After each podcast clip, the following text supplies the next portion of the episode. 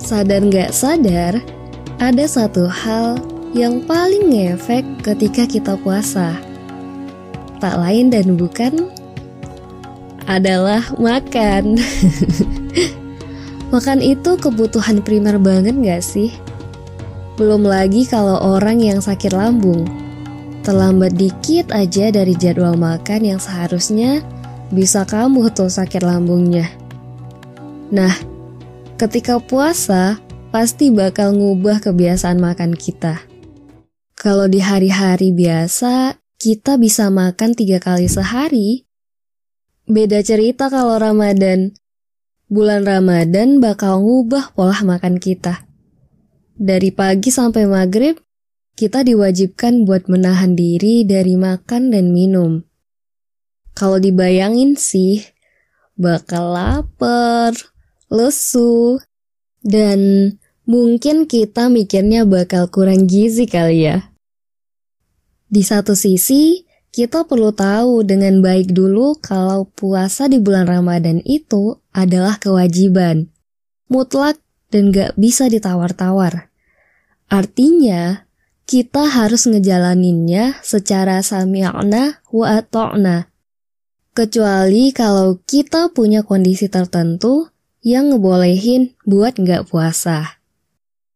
Kita nggak perlu lagi mikirin gimana dong kalau lapar, gimana kalau entar sakit, dan lain-lainnya. Atau cari alasan lain. Kenapa harus puasa? Apa manfaatnya? Kenapa harus 30 hari? Pertanyaan itu tentu ada jawabannya. Di episode 30, kita sudah membahas bahwa Allah adalah Rob pencipta kita. Allah lah yang paling tahu mengenai apa yang baik dan apa yang buruk bagi makhluk ciptaannya.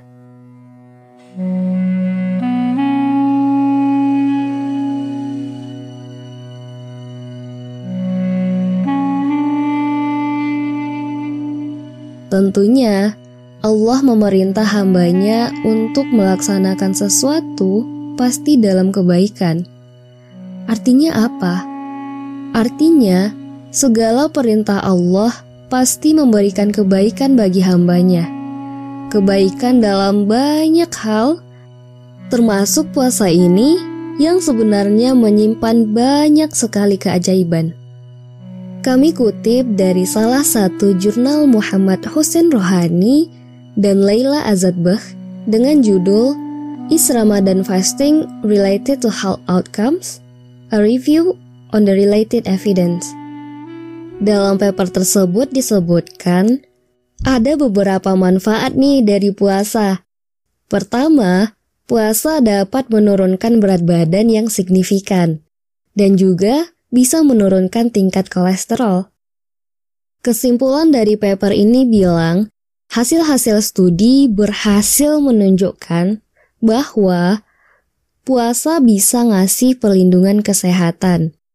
Kalau kita ulik lagi penelitian-penelitian tentang puasa ini, ternyata banyak banget penyakit yang bisa disembuhin dengan puasa, seperti tekanan darah tinggi, mah, kanker, dan masih banyak lagi.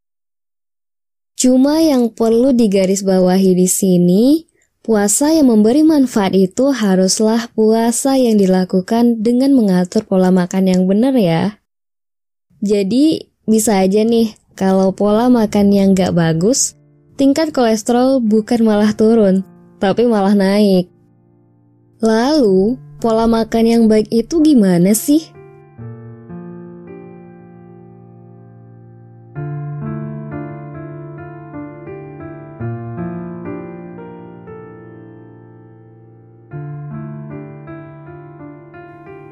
Kita coba ikutin pola makannya Rasul selama puasa ya. Karena Rasulullah mah pasti pola makannya bagus banget. Pola makan yang diterapkan Rasulullah itu dengan memperhatikan jenis makanan yang dimakan saat sahur dan berbuka. Ketika sahur, kita harus milih makanan yang bisa bertahan lama di tubuh dan membantu mempertahankan kadar gula darah selama puasa. Ini penting banget, biar selama puasa kita nggak kelaparan. Contohnya makanan yang rebus-rebusan, terus juga buah-buahan. Buah-buahan ini dianjurin banget karena gula di dalam buah-buahan bisa jaga kestabilan kadar gula darah. Rasulullah sendiri sewaktu sahur suka banget mengkonsumsi kurma. Hal ini bahkan pernah disebutkan dalam hadis riwayat Daud. Saking bagus dan lengkapnya kandungan gizi dari sebuah kurma, Rasulullah sampai pernah mengatakan, sebaik-baik makanan sahurnya orang mukmin adalah kurma. Dan Rasulullah juga nggak berlebihan dalam makan, secukupnya. Kita juga harus mencontoh ini Bayangin aja kalau kita banyak-banyak makan sewaktu sahur, perut malah bisa begah, dan pagi kita jadi nggak produktif. Oh iya, plus sewaktu sahur harusnya banyak minum air putih biar tubuh terhidrasi selama puasa. Lalu, saat buka puasa, kita harus berbuka puasa secara bertahap. Maksudnya, kita jangan kalap makan semua yang ada di depan mata. Kalau kita kebanyakan makan saat buka puasa, nanti kita jadi malas untuk sholat tarawih karena kekenyangan. Saat berbuka, juga disunahkan banget buat makan yang manis-manis. Tentunya harus makanan manis yang sehat ya, seperti kurma, buah, dan gula aren. Pokoknya sebisa mungkin mengurangi makanan yang mengandung gula putih atau pemanis buatan. Makanan seperti itu malah bakal ngasih efek yang buruk ke tubuh kita.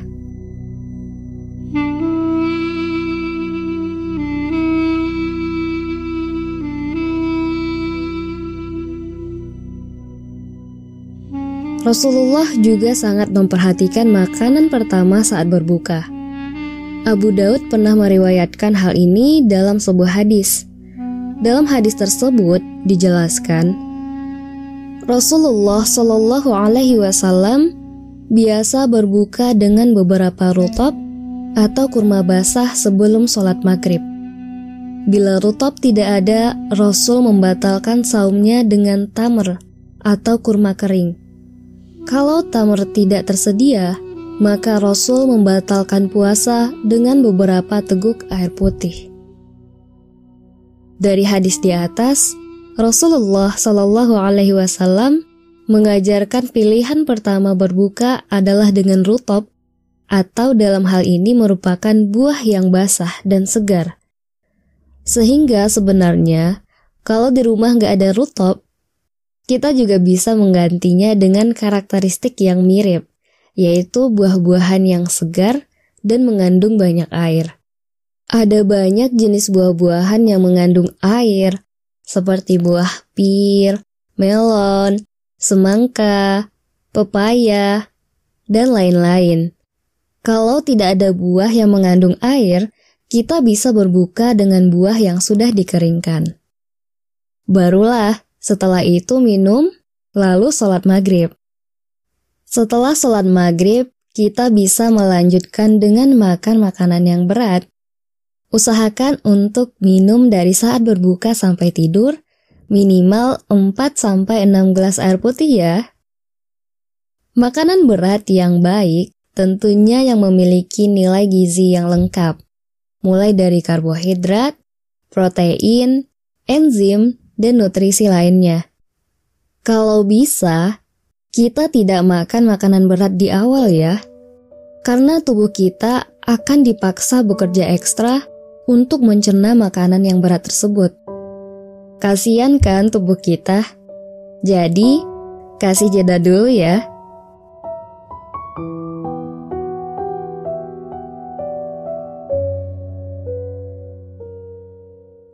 Nah, Kira-kira itulah pola makan baik yang perlu kita terapkan selama Ramadan ini.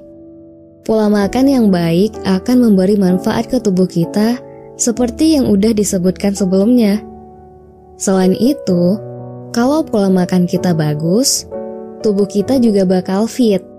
Sehingga kita bisa beribadah dengan maksimal selama Ramadan ini.